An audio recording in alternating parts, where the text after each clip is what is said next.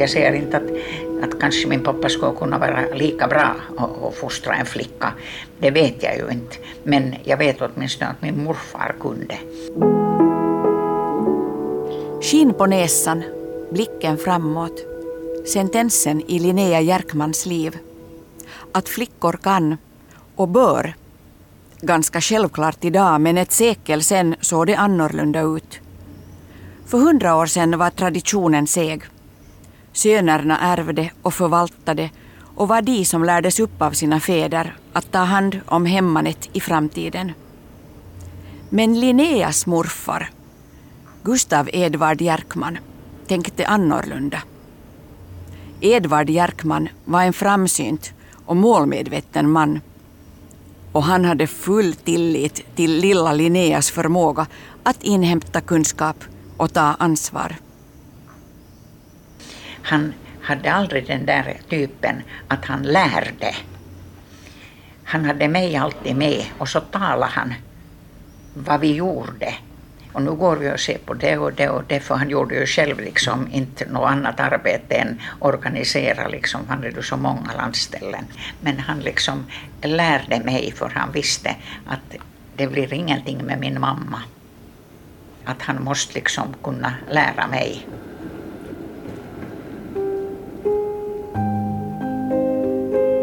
Det här är en berättelse om en förutseende morfar och hans kavata dotterdotter. Vi ska göra en liten resa in i det förflutna tillsammans med Linnea, född år 1926.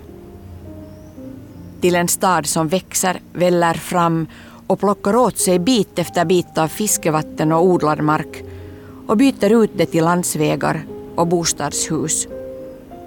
Du lyssnar till dokumenterat Linnea, morfar och halva Helsingfors.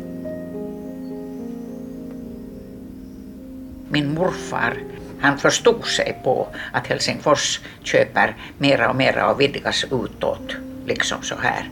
Och eftersom han blev tvungen att överlåta så köpte han lite längre borta.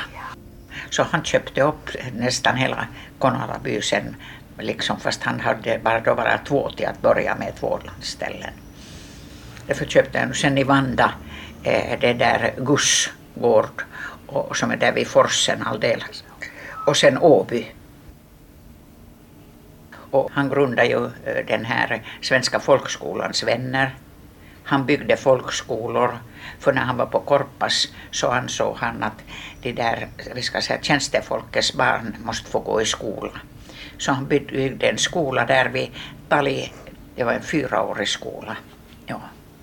Så grundade han bland annat för han var hästtokig, djurtokig, hundtokig och, och det där. Det.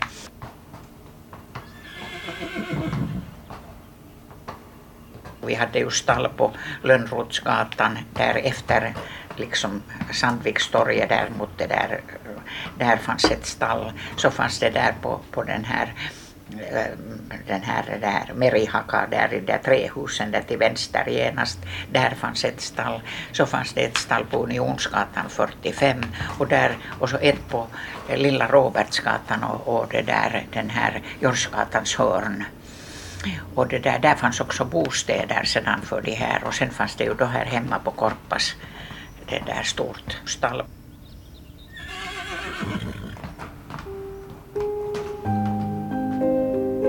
Min morfar sa alltid så att det att man har någonting, det är ingenting som man ska skryta med. Det är ett jättestort ansvar.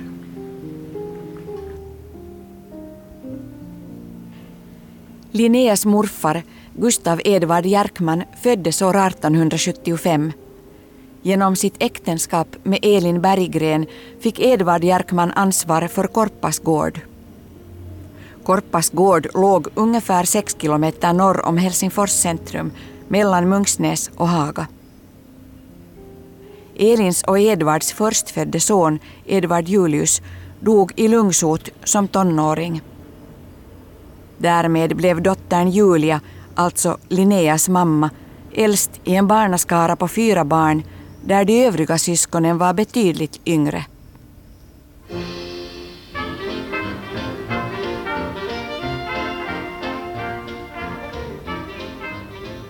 Jag skulle säga så att min mamma var på sitt sätt bortskämd. När hon gifte sig så eh, ville då hennes föräldrar att hon skulle flytta. De, skulle ha, de köpte ju flera olika landställen för att hon skulle där, men hon skulle inte till landet, hon skulle till stan. Hon hade hembiträde, barnsköterska, när, alltså hemifrån ska vi säga. Hon for att min pappa skulle sluta sitt jobb och vara bara hemma när de gifte sig. Så sa hon till exempel alltid det att hon skulle aldrig ha velat ha barn. Men hennes föräldrar ville så gärna ha barnbarn, det vill säga då mig. Så hon gick sen med på det. Och så blev det slut för henne, sen blev det slut. Linneas morfar hade köpt Villa Kinnekulla år 1932 åt sin dotter med familj. Kinnekulla låg närmare innerstan och där kunde man se hur Helsingfors växte, bokstavligen sten för sten, något som Linneas mamma följde med.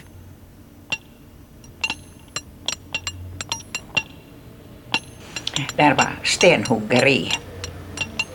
Och du vet att de satt och förr och högg de där kantstenarna. Hon stod där och tittade på dem när de hackade. Alltså hon skulle ha kanske kunnat om hon skulle ha börjat göra någonting. Men det var den tiden, ska vi säga, att kvinnor skulle inte göra någonting. Hon hade nog gått i skola. Men min morfar, för det första så sa han att det blir ingenting med min mamma. Att hon börjar inte med någonting på det sättet. Och, och därför tyckte han att han ska åtminstone lära mig att kvinnor kan och får och bör Linnea hade förutsättningar och intresse att ta del av gårdsskötsel och administration. Linneas morfar överförde sina tankar om värdet och vikten av realegendom, av mark och byggnader. Det att barnbarnet var en flicka spelade ingen roll för morfar. En dag skulle Linnea veta hur förvalta och vårda realegendomen på bästa möjliga sätt.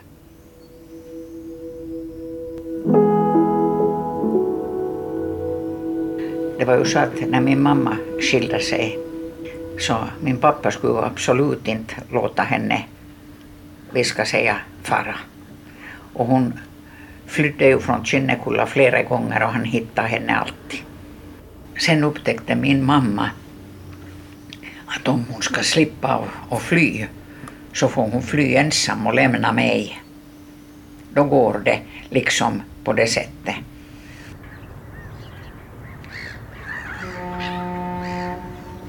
Min mamma hon skulle iväg till Amerika och min morfar hade ordnat åt henne pass och allt.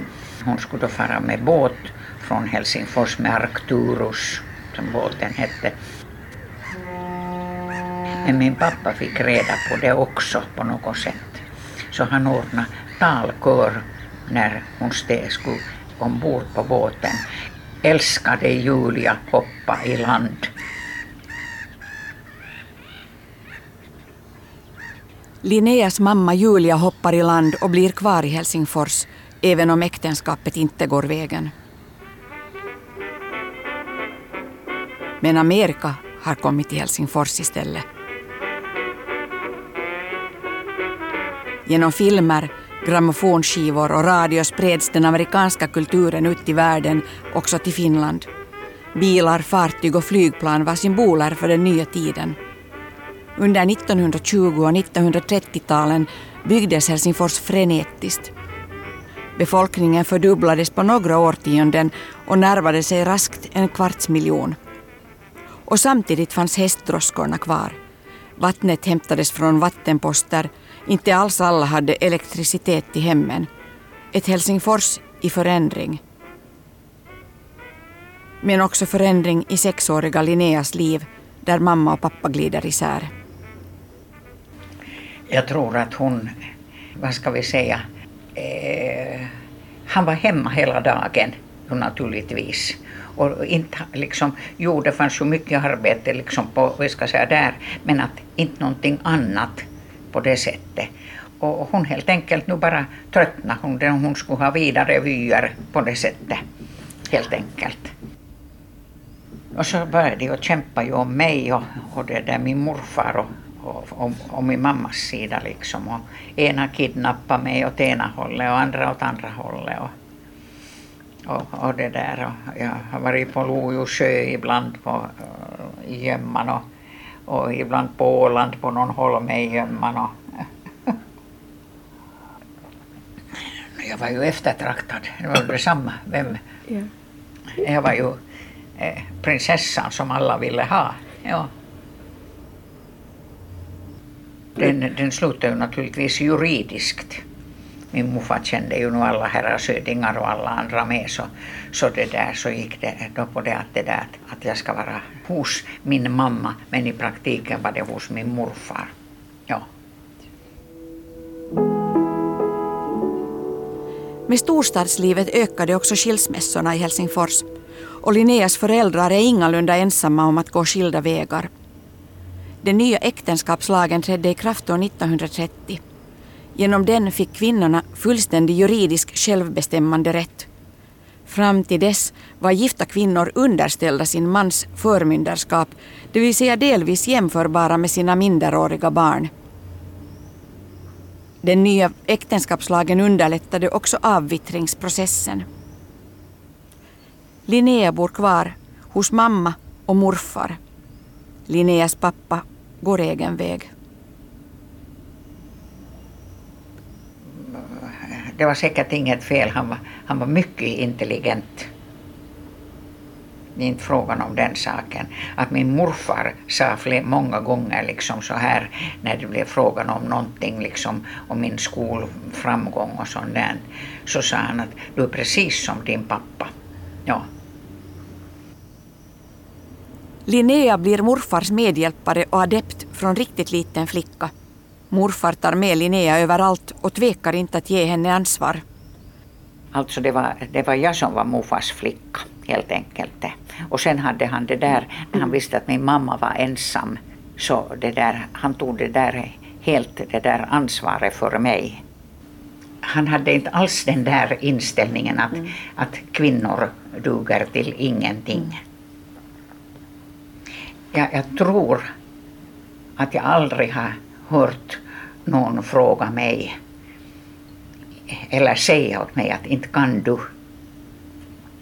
eller vill du utan gå och gör det där. Du kan nog.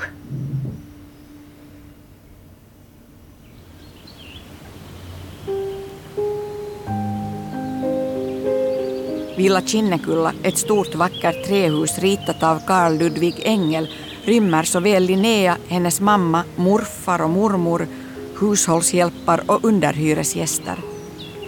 Så även om staden växer så det knakar så är Kinnekulla ännu nästan som på landet. Från Kinnekulla styr morfar sina gårdar och jordbruk som ligger runt Helsingfors. Alltså jag bodde ju på landet när jag bodde där i Dölö. Det fanns ingen annan adress än Tölö, Villa Kinnekulla. Så när det kom, jag gick i skolan då på Boulevarden, började 35. Så när någon av mina klasskamrater skulle komma och hälsa på så tog de vägkost med för det var så långt.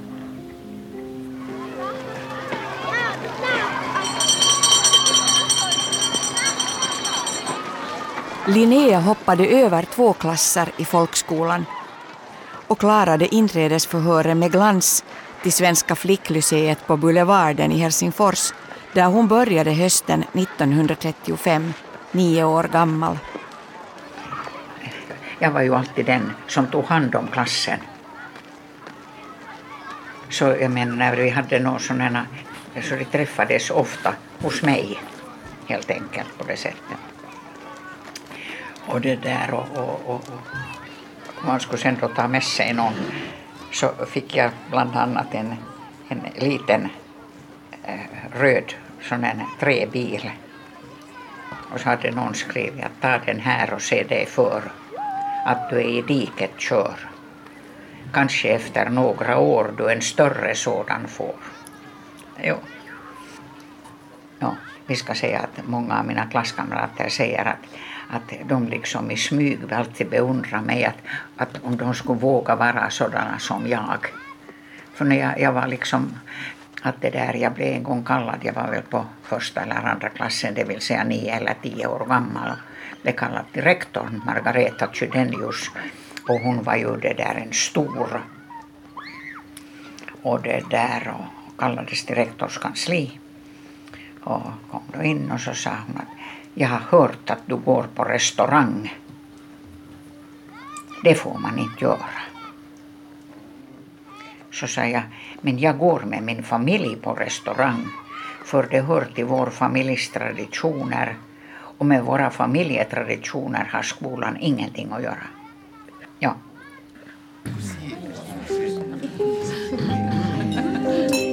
Morfar tränade upp Linnea att kunna umgås med folk och sköta ansvarsuppgifter. Linnea var matematiskt begåvad redan som liten och morfar gav allehanda räkneuppgifter åt henne. Ett helt kapitel för sig var hästmarknaderna i Baltikum dit Linnea reste regelbundet för att hålla bok om uppköp av hästar till Finland. Och det fanns en hel del sådana hästhandlare. Det fanns i Helsingfors och det fanns i alla, liksom, där de hade hyrt stall och köpte upp hästar. Och de hade sina egna kunder. Så det var ett helt liksom yrke som sysslade just det då, vi ska säga, på, börja lite så där i slutet på 20-talet, men sen i synnerhet på 30-talet så eh, och därför så fors det då med de här hästhandlarna for jag till Estland, inte med min morfar utan med de, de där hästhandlarna. Det fanns ett stort behov av hästar i Finland efter självständighetsdeklarationen. Också Linneas morfar utökade sina marker för att odla spannmål. Nioåriga Linnea reser regelbundet med morfars förtroendeman till Estland på hästuppköp. Jag började från 35, nio år. Men jag kunde ju skriva. Så jag hade penna och papper och, och, och så när vi var på de där då, eh, ska vi säga, eh, hästmarknaderna. Eh, det såldes bara hästar på olika ställen i Estland, Lettland och Litauen. Så den där hästen, nu kom den hästen upp på det sättet. Och så läste de då upp att den är fyra år gammal och den är röd fux och den har halvstrumpor och, och, den har stjärna eller den har bläs eller, eller någonting i den där stilen och, och, och den och sånt och sånt färgat man och, och, och liksom så här. Och det skrev jag då upp på det sättet. Och så började då, vi ska säga, en form av nästan som aktion.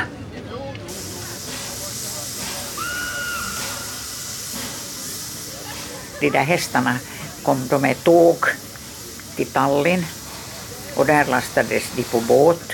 Det var ju fördäck, det var ju inte sådana båtar som det är nu som är helt äkta utan det var ju långt fördäck och då sattes de mitten mot varann så här. Ska vi säga att det kunde vara en upp till 40 hästar på båten som kom liksom över. Och det där sen när de lastades bort så nu kommer det en häst som ser ut så och så, så tittar de på mitt papper. Alltså den och den och så. och så, så att den har köpts av den och den. Och då var de där hästkarlarna liksom själva där och, och tog hand om den hästen och hade sina lastbilar sen som de förde dem vidare med. Ja.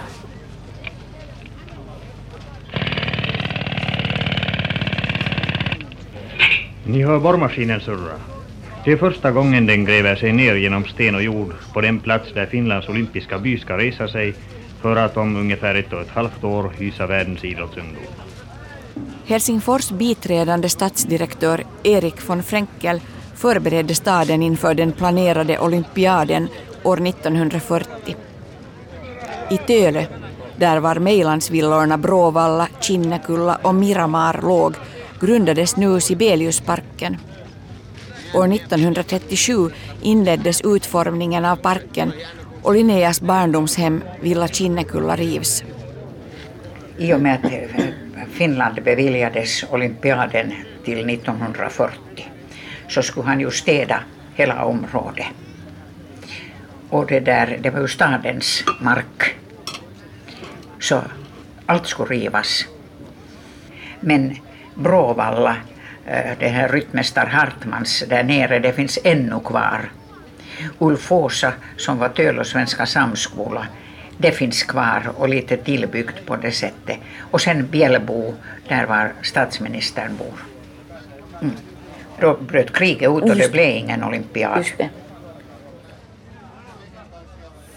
Och det där så kommer jag ihåg när den där Mäkelingatan då kom och den kom genom vårt område.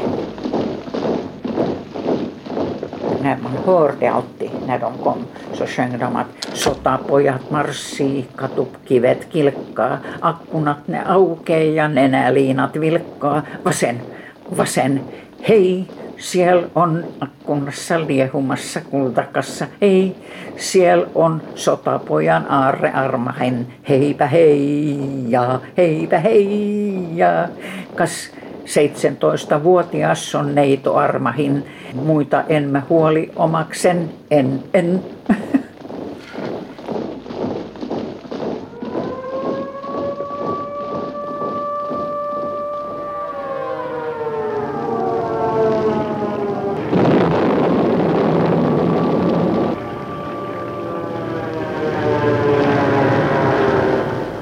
Morgonen har ryska flygplan på flera ställen överflugit finskt territorium.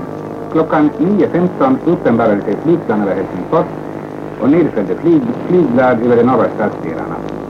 Klockan 9.35 uppenbarade sig tre ryska plan över Enso och kastade brandbomber. Men som sagt, då när kriget bröt ut så inte hade de ju något begrepp om, jag vet att eh, vår skola där på Boulevarden, så vi, hade teckningslektion och det var i en del av den där vindsvåningen var inredd och taket var liksom taget och lagat till stora fönster. Sådär. Och då blev det alarm. Och så, vad, ska man, vad skulle vi göra då? Jo, alla ut och stå i, i Storkyrkans, där i gamla kyrkoparken.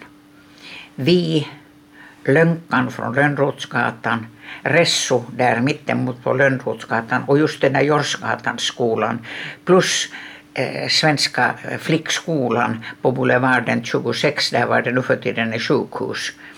Alla oss då, vi var över 2000 elever som stod i kyrkparken. Varför? Jo, för de bombar ju hus, inte bombar de parker. Huvudstadens frivilliga evakuering har börjat. Vi besöker nu Helsingfors busstation varifrån otaliga bussar igår onsdag och idag torsdag har transporterat huvudstadens invånare till landsorten. Ordinarie bussarna har oupphörligt varit igång på sina linjer och dessutom har Helsingfors stad satt hälften av sina bussar till folkevakueringens förfogande. Vinterkriget pågår från 30 november 1939 till den 13 mars 1940. Fredsavtalet i Moskva dikterade att Finland avstår från 10 procent av sitt land och överlåter sin näst största stad, Viborg, till Sovjetunionen. Men freden är inte bestående. I juni 1941 börjar fortsättningskriget som pågår i tre år. När Villa Kinnekulla i Töle rivdes flyttade Linneas familj till utkanten av Helsingfors, till morfars gård Bergkulla i Sockenbacka. Linneas morfar insjuknar i lungcancer. Mot slutet av kriget blir han allt sämre och han tas allt oftare in på sjukhus för vård. Det var då den samma våren som han sen dog. Så ville han komma hem för han skulle nödvändigt se på sina hästar. Och så talade vi med, jag med det där doktor Nyqvist där då så sa han åt mig att jag tycker att jag ska låta honom komma hem och att han får se på sina hästar. För det spelar ingen roll att jo, det kan vara att han lever en vecka kortare tid men någon större skillnad är det inte. Och så tog vi hem honom på en, liksom en lördag morgon. Och på söndag kväll fördes han då tillbaka. Ja.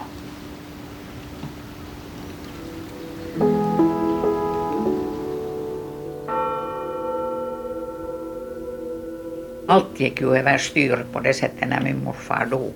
Veckan före jag blev student begrovs på dagen på söndagen när vi fick studentmössorna följande fredag.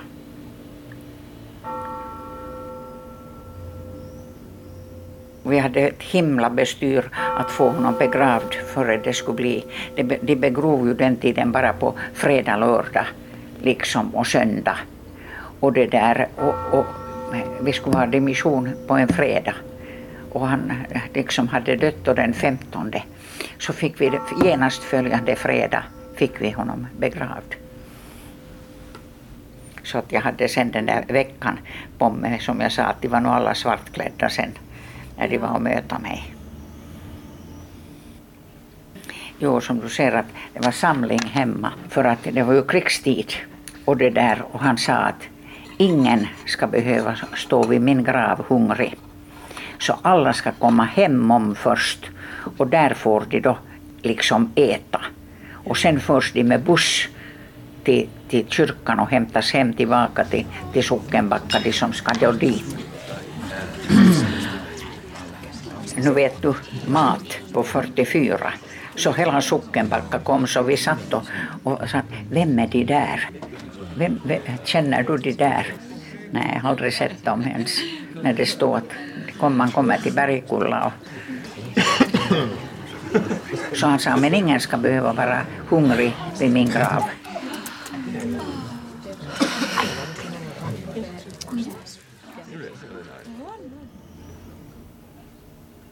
–1944 var minst sagt ett innehållsrikt år, både för Finland och för 18-åriga Linnea. Under fortsättningskrigets slutskede hade Finland 530 000 man under vapen män som nu skulle återvända till det civila. Dessutom var evakueringen av karelarna från de till Sovjetunionen överlåtna områdena en enorm folkförflyttning. Karelarna utplacerades över hela Finland, också i huvudstadsregionen, vilket kom att påverka också Linneas familj. Linnea själv hade skrivit studentexamen med framgång matematikprovet gick så pass bra att hon kom direkt in i Tekniska högskolan utan skilt inträdesförhör. Allt ramlade över mig på en gång helt enkelt. Och sen kom det gudskelov det att, att 44 fick ingen första årets student börja skolan för det kom så mycket tillbaka från kriget. Så jag fick börja först 45. Men jag läste på universitetet alltid när jag hade tid. Så läste jag lite matematik och, och det där fysik. Och fick bort några tentor liksom färdigt.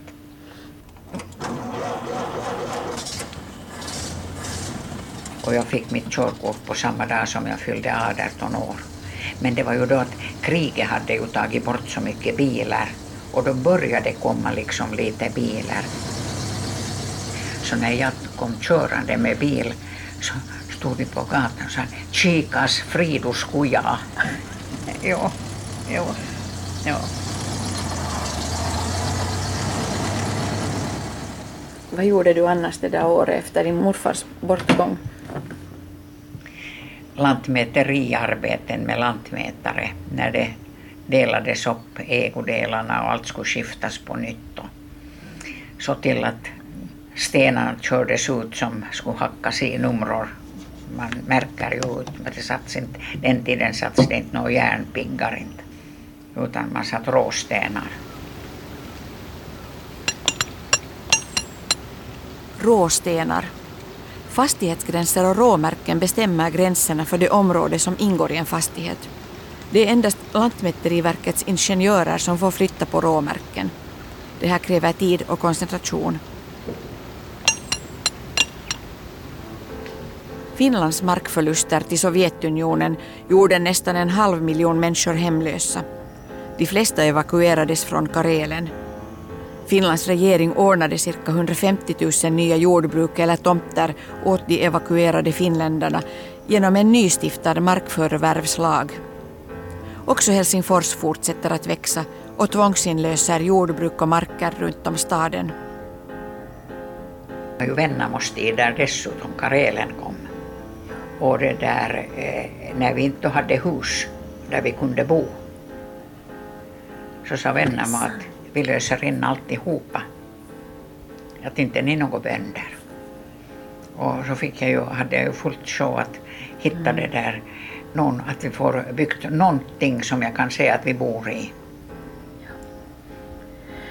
Och ritningar och arkitekter och, och Vennamos kontor var där på Mariegatan nästan i Elisabetsgatans hörn där, i, där. Och det där, när jag kom då dit så det var ju vaktmästare alltid nere vid dörrarna som öppnade dörrarna så här. Så att jag ska till Vennamo. För jag hade lärt mig att när man har något ärende till något ämbetsverk så börjar man från chefen. För börjar man nere på, vi ska säga på kontoret så säger de, inte vet jag, jag är bara på arbete här. Jo. Och jag hade ritningarna med och sa att nu har jag ritningarna ja. här och, och, och, det där och platsen är det ju inte någon fråga om att det inte finns plats där vi bygger det. Och nu är det bara en fråga när, när vi börjar att bygga och sen när vi hade då taket på så var jag igen och visade dem att nu är det taket på, nu är det så långt och då slipper vi att flytta in.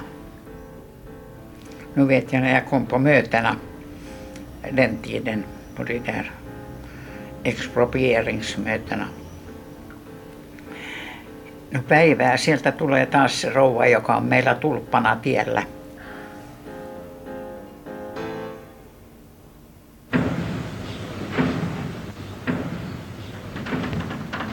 Jordbruksministeriets kolonisationsavdelning leds av politiker och fullmäktigledamot Veikko Vennamo. Befolkningstillväxten i huvudstadsregionen tvingar de förorter som tidigare varit emot inkorporering nu till den stora områdesanslutningen. Helsingfors får 50 000 nya invånare och dess markområde femdubblas. Utbetalning av kompensationen för de tvångsinlösta områdena kunde dröja i 10 till 15 år. Till råga på allt är inflationen rekordhög efter andra världskriget. År 1946 nästan 60 procent.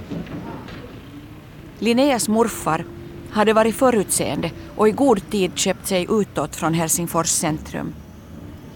Men inte ens den segaste jordägaren kunde hålla de gamla fälten intakta. Det kom ju just det där, så kom ju den där, alltså 46 inkorporerades ju eh, de här våra områden utom Gusso och Åby som fortfarande är ju Vanda. Men det här, här i Konala och Sockenbacka och allt det här. Och jag vet att till exempel hos oss då i Sockenbacka där, så när man ju sår höstsed, så, så fort snön smälter så är den ju så här hög och grön. Och tät grön. Alltså det är ju den skillnaden, höstsed och vårsed. Alltså höstseden växer ju under den där skyddsseden och när man skördar den så kom, växer den så den är ju redan så här hög och grön så det ser ut som en gräsmatta. Och då kan du tänka dig när det kommer mycket sådana här villor och den för tiden kom det, var det ju mycket barn. Gröna fält. De kommer att spela fotboll på alla våra åkrar. Och sen var man elak om man eh, körde bort dem.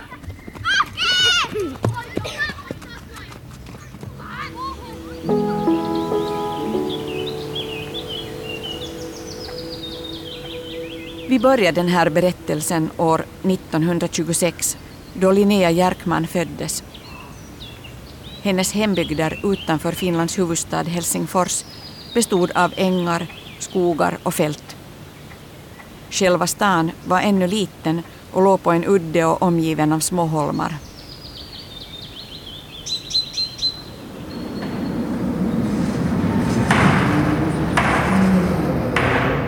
När vi kommit så här långt i berättelsen är vi framme i slutet av 1940-talet.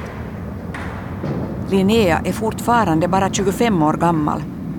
Hon ska ännu hinna resa runt omkring i världen, följa sin man på arbetsresor till Ryssland, grunda koloniträdgårdar i Helsingfors, bygga Finlands första familjehotell i Ekenäs, designa arbetskläder och inreda byggmästarskråets lokaler. Få barn, barnbarn och barnbarnsbarn.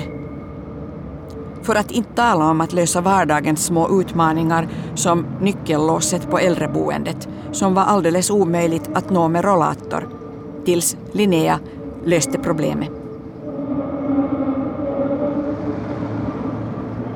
Efter att ha lyssnat till Linnea och genom Linnea även till hennes morfar Edvard Jerkman leder det osökt till tanken att Linneas morfars karaktär och livsprinciper lever vidare i hans dotterdotter.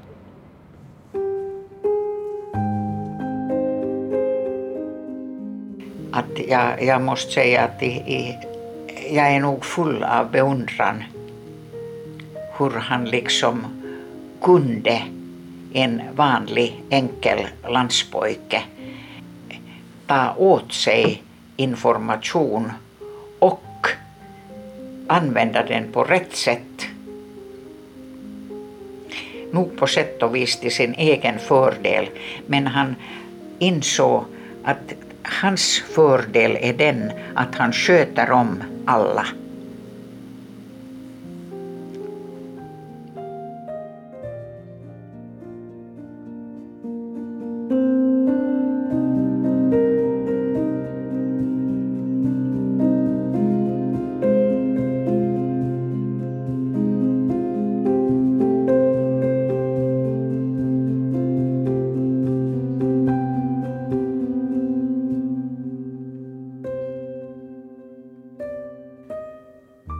Har lyssnat till dokumenterat Linnea, morfar och halva Helsingfors. Ljuddesign Jyrki Häyrinen, dramaturgisk hjälp Are Nikkinen och producent Staffan von Martens. Mitt namn är Betty Marchand.